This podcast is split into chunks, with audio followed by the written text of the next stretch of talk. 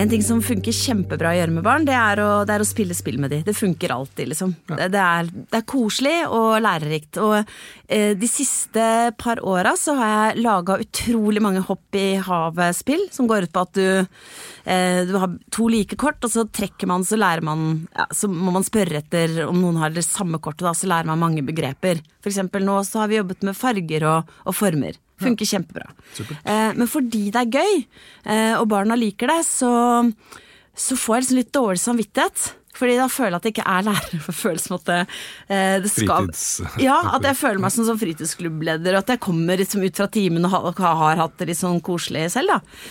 Um, så da ble jeg så glad, Martin, når du sa at um, at du syns det var veldig viktig, ikke bare fordi de lærte ord og begreper, men også fordi de lærte seg å samhandle, og som du sa, ikke minst å vente på tur. Ja. Um, det da, så det, så det, har jeg, det, har vært, eh, det har jeg vært veldig glad for at du sa. Men så, så titta jeg litt inn på en av dine timer, og da så jeg at eh, at eh, du har noen elever som, som de, har blitt, de har lært seg flere begreper, de har blitt flinke til å vente på tur, ja. men kjempegode tapere eller vinnere, vil jeg ikke si. Der, er det litt igjen å, der har de litt ja, igjen å lære. Begge deler sliter litt i begge ender der, og med å være en god vinner og være, eller da, være en uh, god taper. Det kan bli ganske Og det er snakk om å spille alias. Ja. Og, og, få poeng. og på en måte, Noen får ti poeng, og noen får elleve poeng, og da vinner de med elleve.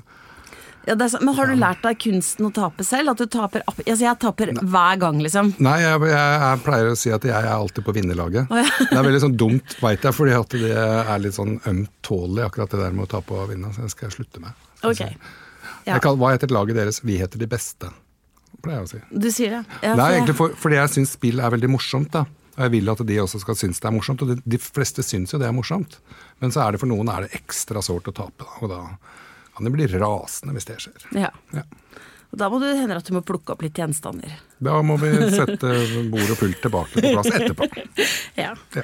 Uh, men uh, uansett vil jeg virkelig anbefale, det må jeg si, altså, det vil jeg virkelig anbefale. Hvis jeg skal komme med ett konkret tips uh, til, um, til folk som jobber i skolen, så vil jeg si ta og kopier opp noen, noen, ord og begreper du vil at barna skal lære, og i to eksemplarer, og, og lær deg reglene for håp i havet, og du har en du har en strøken time foran deg. Ja, egentlig så er vi nå midt inne i det mest moderne i undervisning, med gamification. da, ja. Som liksom er å ta spilldesignet og gjøre det om til uh, en undervisningssituasjon. Mm. Det er jo det man gjør. Så vi er egentlig veldig supre sånn sett. Synes jeg. Bortsett fra at i rettferdighetens navn så må man jo si at det å spille kort kom før data. Ja, det gjør det. Ja.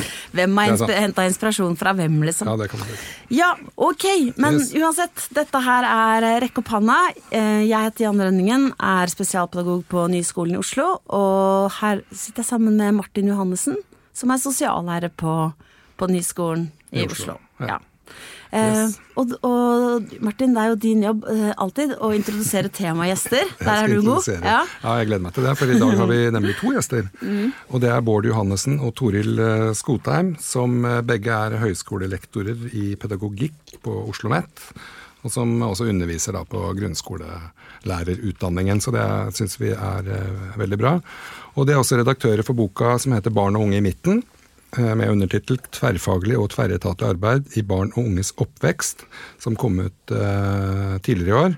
Den skal vi snart uh, snakke litt uh, mer om. Men det vi lurer på først, er jo hvordan var dere som elev? Hvordan var du som elev, Toril Skotheim? Og jeg tror jeg var en sånn typisk flink pike. Ja. ja.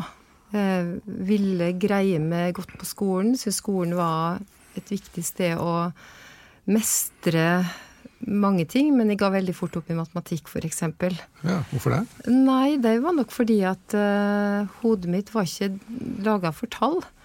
Uh, og kanskje log logikk, men uh, jeg kjente at jeg fort fikk en tapsfølelse i matematikk. Ja.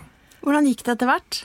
Det gikk, gikk, ikke så bra i matematikk. Men, men er, du fortsatt redd for desimaltall? Jeg, jeg, lurer på dette her med det firerkravet og med lærerutdanning. Ja, for å si det sånn. Jeg, hadde altså jeg jobba som lærer i skolen i over 30 år, fra, i, fra første til tiende, og jeg hadde ikke kommet inn på utdanninga i dag. Nei, Men det har du nå driver du utdanninga sjøl, så det er jo ikke sant. veldig greit. Men driver ikke med matematikk. Nei, nei. nei det er kanskje like greit. Si.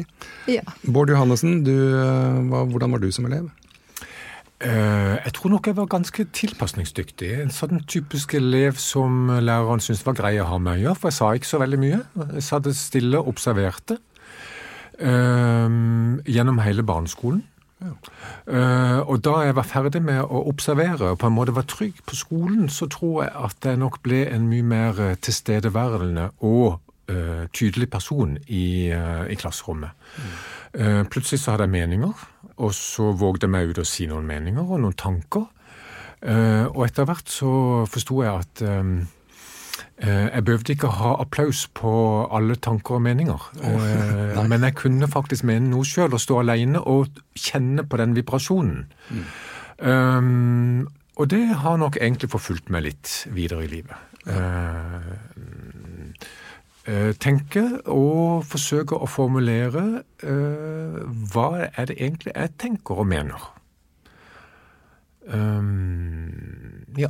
ja. Og, da, og, da, Det er jo veldig fint, for det kommer jo godt med når du skal skrive bok. Ikke sant? Ikke sant? Så, for dere er jo redaktører av boka 'Barn og unge i midten', um, som er en antologi. Som det er mange medforfattere. Jeg tror ikke jeg har lista her. Jo, det er jeg.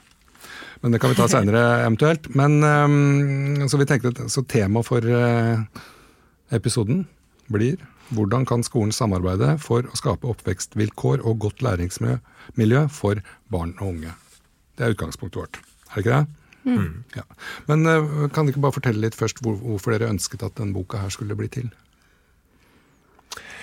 Eh, det var faktisk bare en idé som, eh, som kom i huet, fordi at uh, Toril og meg jobba sammen og underviste i skolens hjelpeapparat til kommende lærerstudenter. Uh, og vi fant egentlig ikke noe, noe god litteratur, noen god uh, innfallsvinkel som kunne gi lærerstudentene den ballasten vi mente de trengte.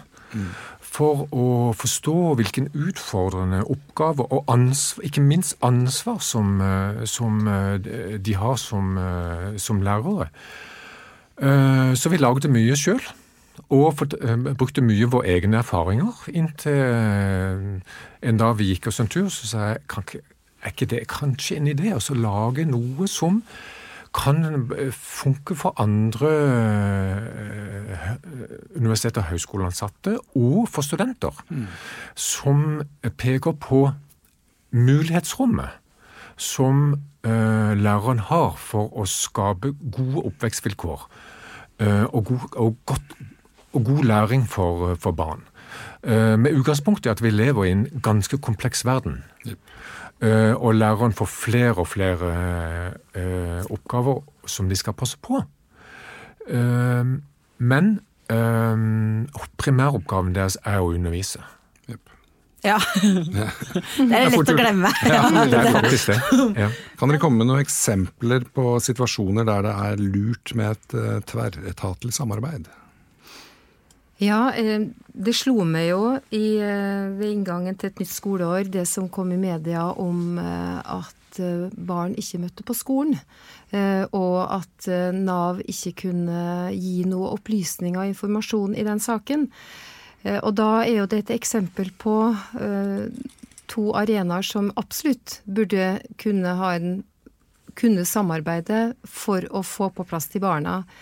Og det samarbeidet bør jo starte med å ta kontakt med de foreldrene ikke sant, hvor, som veit dem hvor barna er. Er de eh, på City, Oslo City, eller er de reist ut av landet, på koranskole? Altså, mm. vi veit jo ingenting, og det er jo skremmende.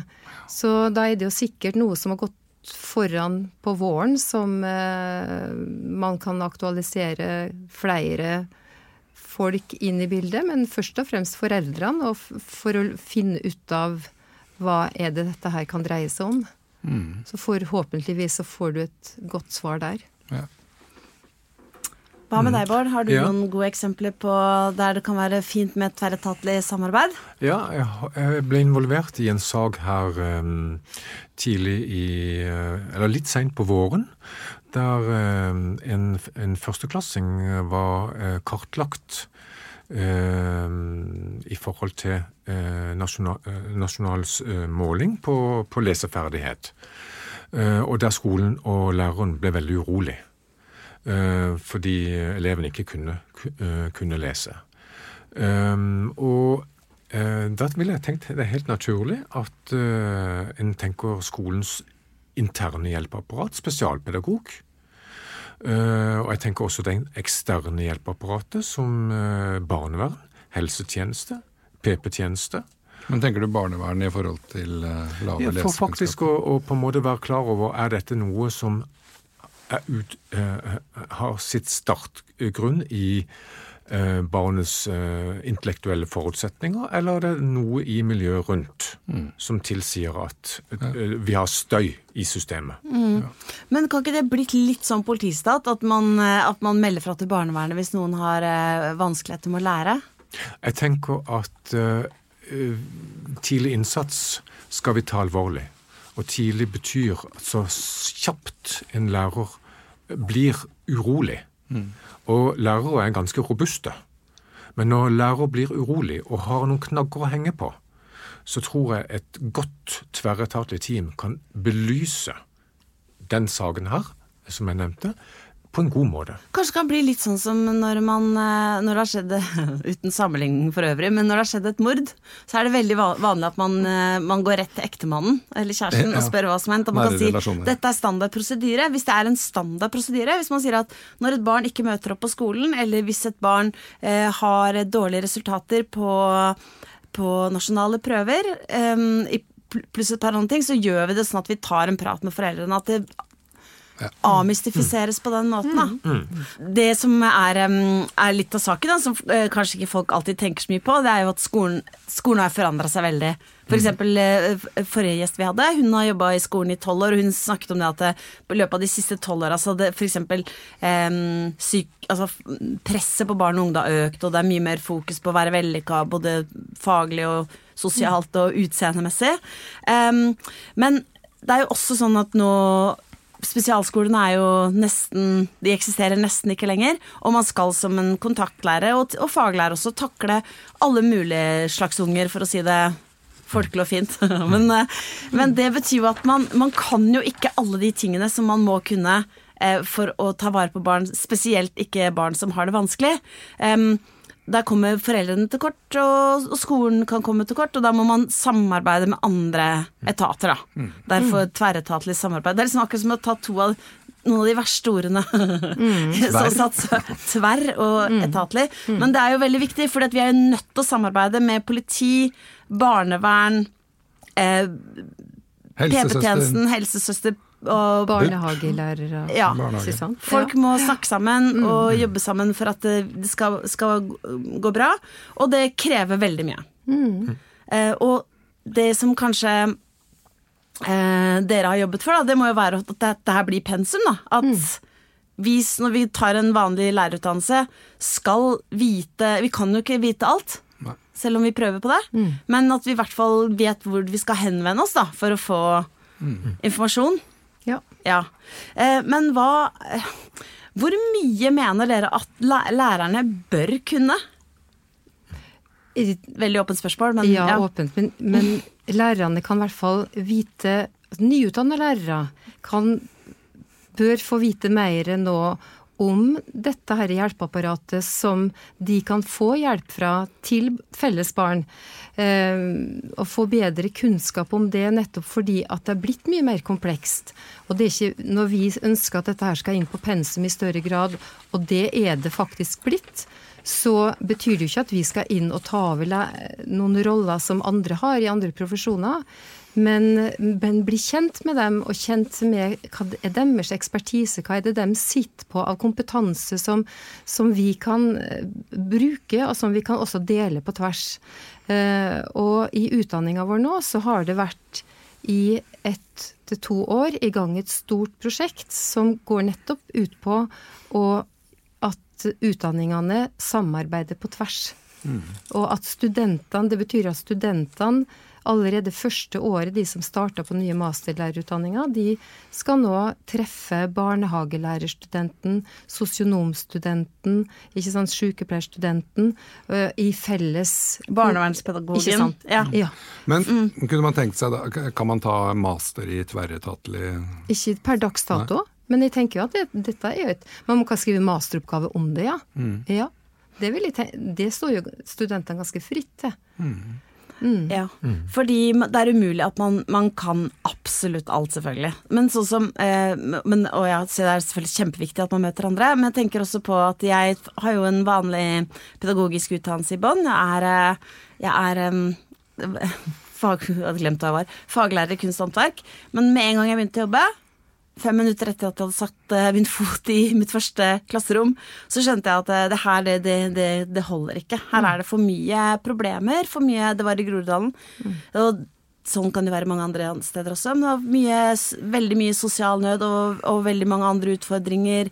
Eh, bare så enkelt noen ganger som at folk har et annet morsmål, men også store problemer, da. Barnevernssaker. Mm. Mm. Eh, og da, da, tok jeg eh, 30 studiepoeng da, i Spesped. Og det er jo ikke så mye, men jeg tenkte det er nesten et minimum som jeg mener at folk burde ha. Såpass mye kunnskap må man ha. Man må kunne liksom navnet på de vanligste diagnosene. Mm.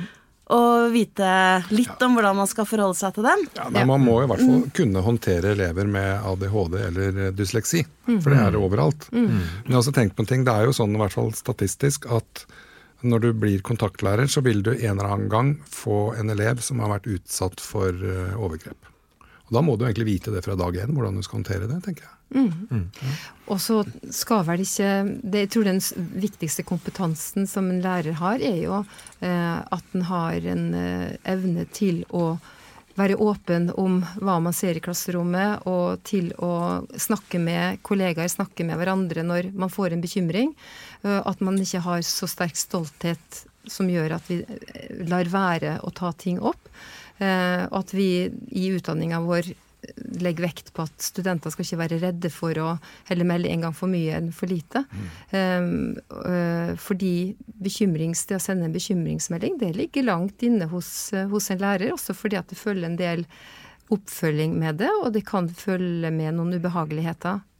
At du skal kunne stå for det du har meldt inn mm. bekymringa om, at du ikke er den som ser spøkelser på høylys dag. Mm. Men hvorfor er, eh, altså, hvorfor er man egentlig så redd for å melde fra? Altså, eh, er, la oss si man melder fra om noe man tenker at er vanskelig. Da. La oss si f.eks. at man tenker at det er en elev som ikke har med seg matpakke. Mm.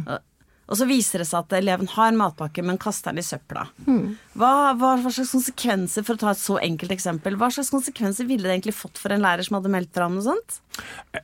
Hvis jeg kan få smette inn her, så ja. tror jeg vi skal være For det første tenke over litt Hva gjør en lærer med en bekymring?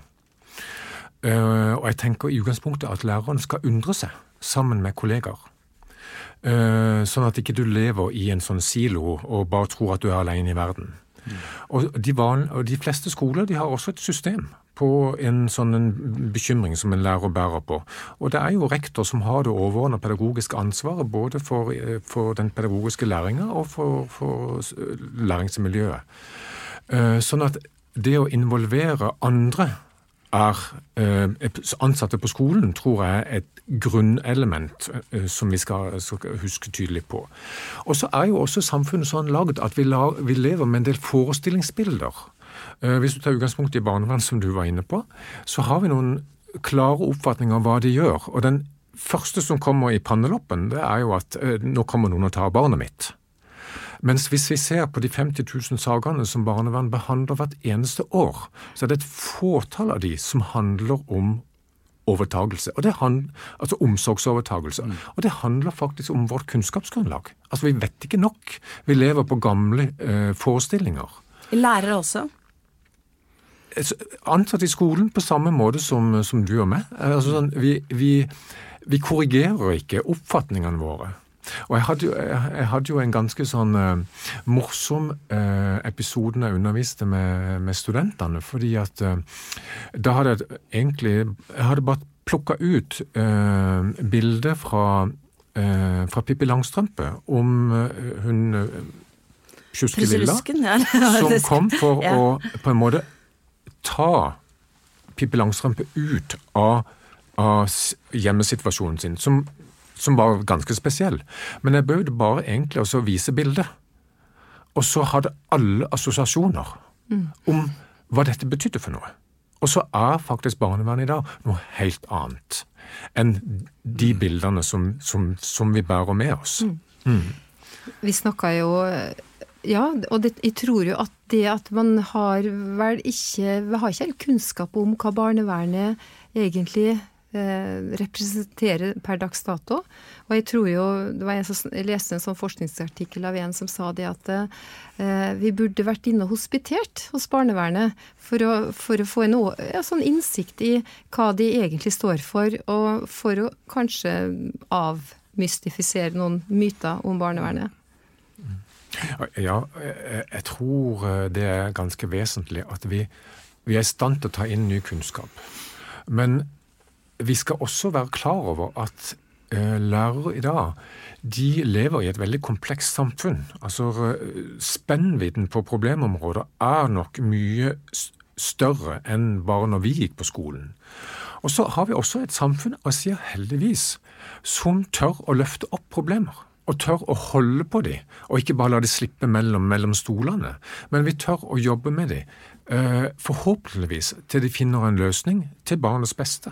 Ja, Tenker du det, at, det, at lærere og andre er blitt flinkere til å tørre å, å, sette navn på ting som er vanskelig?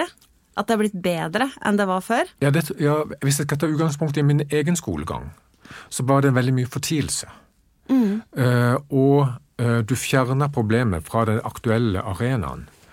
Uh, mens i dag så, du, så skal du løse eh, utfordringer innenfor klassens rammer, på samme måte som storsamfunnet vil løse de utfordringene i fellesskap.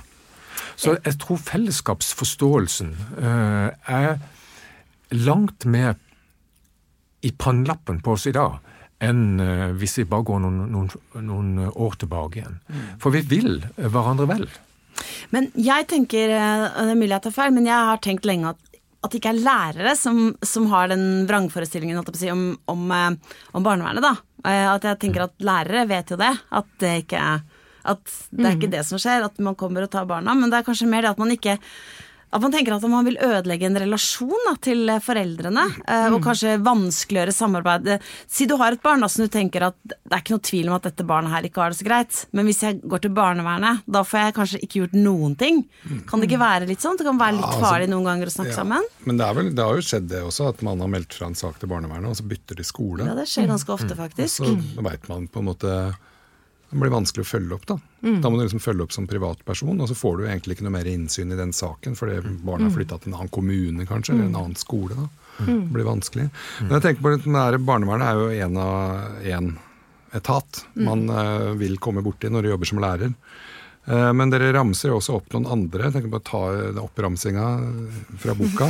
at, jeg tenker at det hadde vært veldig fint om alle skoler hadde hatt lik tilgang til alt dette her, som er Eh, politijurist, eh, rådgivere, det har jo veldig mange skoler. Eh, sosialantropolog, det er ikke så mange skoler som har. Sykepleier. Nå har jo de fleste helsesøster. Vi f.eks., liten skole, vi har helsesøster én og en kvart dag. Ikke sant. Og så er det sosiolog, psykolog, familieterapeut. Alt dette her bør vi egentlig på en måte Skjønner at ikke alle skoler trenger å ha en familieterapeut, men vi har f.eks. en kontakt i barnevernet eh, på den skolen vi jobber på, som er en fast person som jeg kan ringe til når som helst hvis jeg lurer på noe, om jeg skal henvise, eller om dette er noe jeg skal ringe til familievernkontoret om, eller om at dette er en politisak, eller dette her må vi bare la ligge, for her, her kommer vi ikke noen vei. Så det tenker jeg, Men det burde vært tilsvarende for alle de andre. Du burde ha en fast person i, på legevakta, da, for å si det sånn. Eller helsesøster, i hvert fall. Mm. Ja. For det er jo ikke alle som kan eh, komme, få kontakt med helsesøster akkurat når de trenger det. Nei, for du har f.eks. ikke så veldig vondt akkurat på onsdag. Da Nei. Og da må man lage avtaler, da, selvfølgelig. Jeg skjønner jo alt dette her, men jeg tenker at uh, kunne man tenkt seg et sånt skolevesen som har helt sånn lik tilgang til alt dette her, sånn, hvis man har åpen pengepung og kan bare bruke penger? Jeg tror, jeg tror en skal ta utgangspunkt i kommunen, der skolen ligger. Mm. For kommunen har tilgang på alle de personene som du som du ramser opp der. Mm. Men en kan ikke forvente at de skal ha 100% stilling på enhver skole. Nei, nei. Men tilgangen det, den skal være tilgjengelig på, på, på, et kommunalt nivå. Og det er der, når du ser på den breie tilgangen som du beskriver, og eh, få disse eh, fagpersonene til å jobbe sammen, for nettopp å eh, bidra til at barn og unge får et mest mulig optimalt eh, skole, skoletilbud og oppvekstvilkår. Og utfordringen er jo egentlig at det å, å jobbe sammen med et, det, vi, det, det vi benevner som et tverrfaglig og tverretatlig blikk, det er en, en prosess som fagpersoner skal gå inn i, og som de skal i, i fellesskap eh, bidra til å uh, finne gode, gode, optimale løsninger på. Og noen ganger så skjer jo ikke det. Og det har jo vært mange eksempler på det bare nå i det siste. Altså, mm. Vi snakket om barna som ikke møter opp etter, etter sommerferien, ja, etter... og ingen vet hvor er. Mm. Og det er jo en eh, Hvis man hadde en god kommunikasjon med de som har oversikt over barna. For det vi snakker om Vi har jo, vi har jo felles, det er jo fellesbarna våre, mm. så vi skal se det store bildet. Og når skolen ikke da, sånn som vi hørte, ikke får opplysninger fra, fra Nav om hvorfor ikke barna kommer på skolen, så tenker jeg at det er noe gærent et sted. Og dem det går utover da, er jo de barna som ikke kommer på skolen, mm. og, og, som da ikke blir huka inn. Uh, og, og, det tenker jeg sånt Der kunne det helt sikkert vært en annen måte å gjøre det på. Og jeg tror jo, sånn som du sier, dette å kunne ringe til, til en i barnevernet, så, så, tenker jeg at det hadde, alle det mest ideelle hadde jo vært at man var i et sånt samarbeid hele tida, og ikke bare når det var brannslokking. Men jeg, altså, nå, nå, nærmer vi oss slutten, da. Men vi tenker på uh, Jeg tør påstå at de aller fleste lærere de vil barn vel. Foreldrene vil stort sett uh, barn vel. og alle som har tatt utdannelse til å jobbe med barn, er jo som regel glad i barn og ønsker det beste for dem. Så hva, hvis dere skulle komme med noen tips på tampen, hvordan kan man liksom, noen, noen, noen, setninger som man kan ta med seg og skrive opp og, og tenke på neste gang man får en utfordring i fanget. Hva er liksom de enkleste reglene tenker dere for et godt tverretatlig fagarbeid? Mm. Felles samarbeid. samarbeid. Ja. Herregud. Drikk litt. Nesten. Ja. ja. Du er ikke aleine, da. Eh, nei. Det tenker jeg at det, det, er ikke ditt private problem. Det er et, det er et anliggende som, som gjelder de som skal ha med barn og unge å gjøre, og som er gode på det. Mm. Tusen takk for at dere ville komme. Det var eh, nyttig. Jeg tror eh, det, det samarbeid er ikke noe man lærer seg på 1, 2, 3, men dere har skrevet en utrolig bra, bra bok, eller vært redaktører da, for en veldig bra bok, med veldig gode, konkrete eksempler som jeg vil anbefale folk å lese. Da runder vi der. Da gjenstår det bare å si at det er ingenting som heter en svak elev. Nei. Er dere enig i det? Jeg er veldig enig i det. Absolutt. Bra.